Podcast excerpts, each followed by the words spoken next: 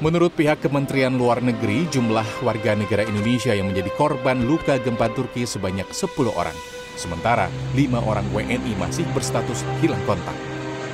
KBRI Ankara terus berupaya mencari WNI yang hilang melalui otoritas setempat, Simpul Masyarakat Indonesia, dan Satgas Perlindungan WNI setempat untuk proses evakuasi.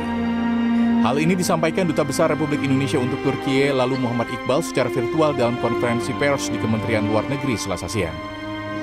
Luka-luka dari gempa ini adalah tiga orang. Per hari ini, per tadi malam, sudah menjadi 10 orang. Jadi empatnya sudah bisa kita rawat di rumah sakit, sementara enamnya yang sekarang akan kita evakuasi. Jadi total ada 10 orang.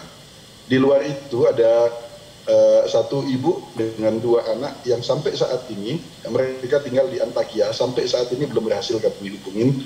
Kami sudah mencoba melalui simpul-simpul masyarakat dan akan terus kami coba. Dan kami sudah koordinasi juga dengan otoritas tempat uh, mengenai ibu dan dua anak ini yang sampai saat ini belum berhasil kami uh, hubungi.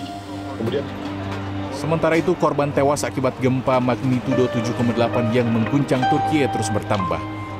Dilansir dari The Guardian, 7 Februari, gempa telah menewaskan lebih dari 5.800 orang di Turki dan ribuan lainnya luka-luka. Korban diperkirakan akan terus meningkat. Sejumlah warga dibantu tim penyelamat masih berupaya mencari korban yang masih belum ditemukan di antara puing bangunan.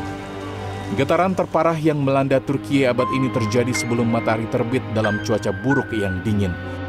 Menurut Pusat Seismologi Eropa Mediterania, getaran gempa juga dirasakan di 45 negara lain.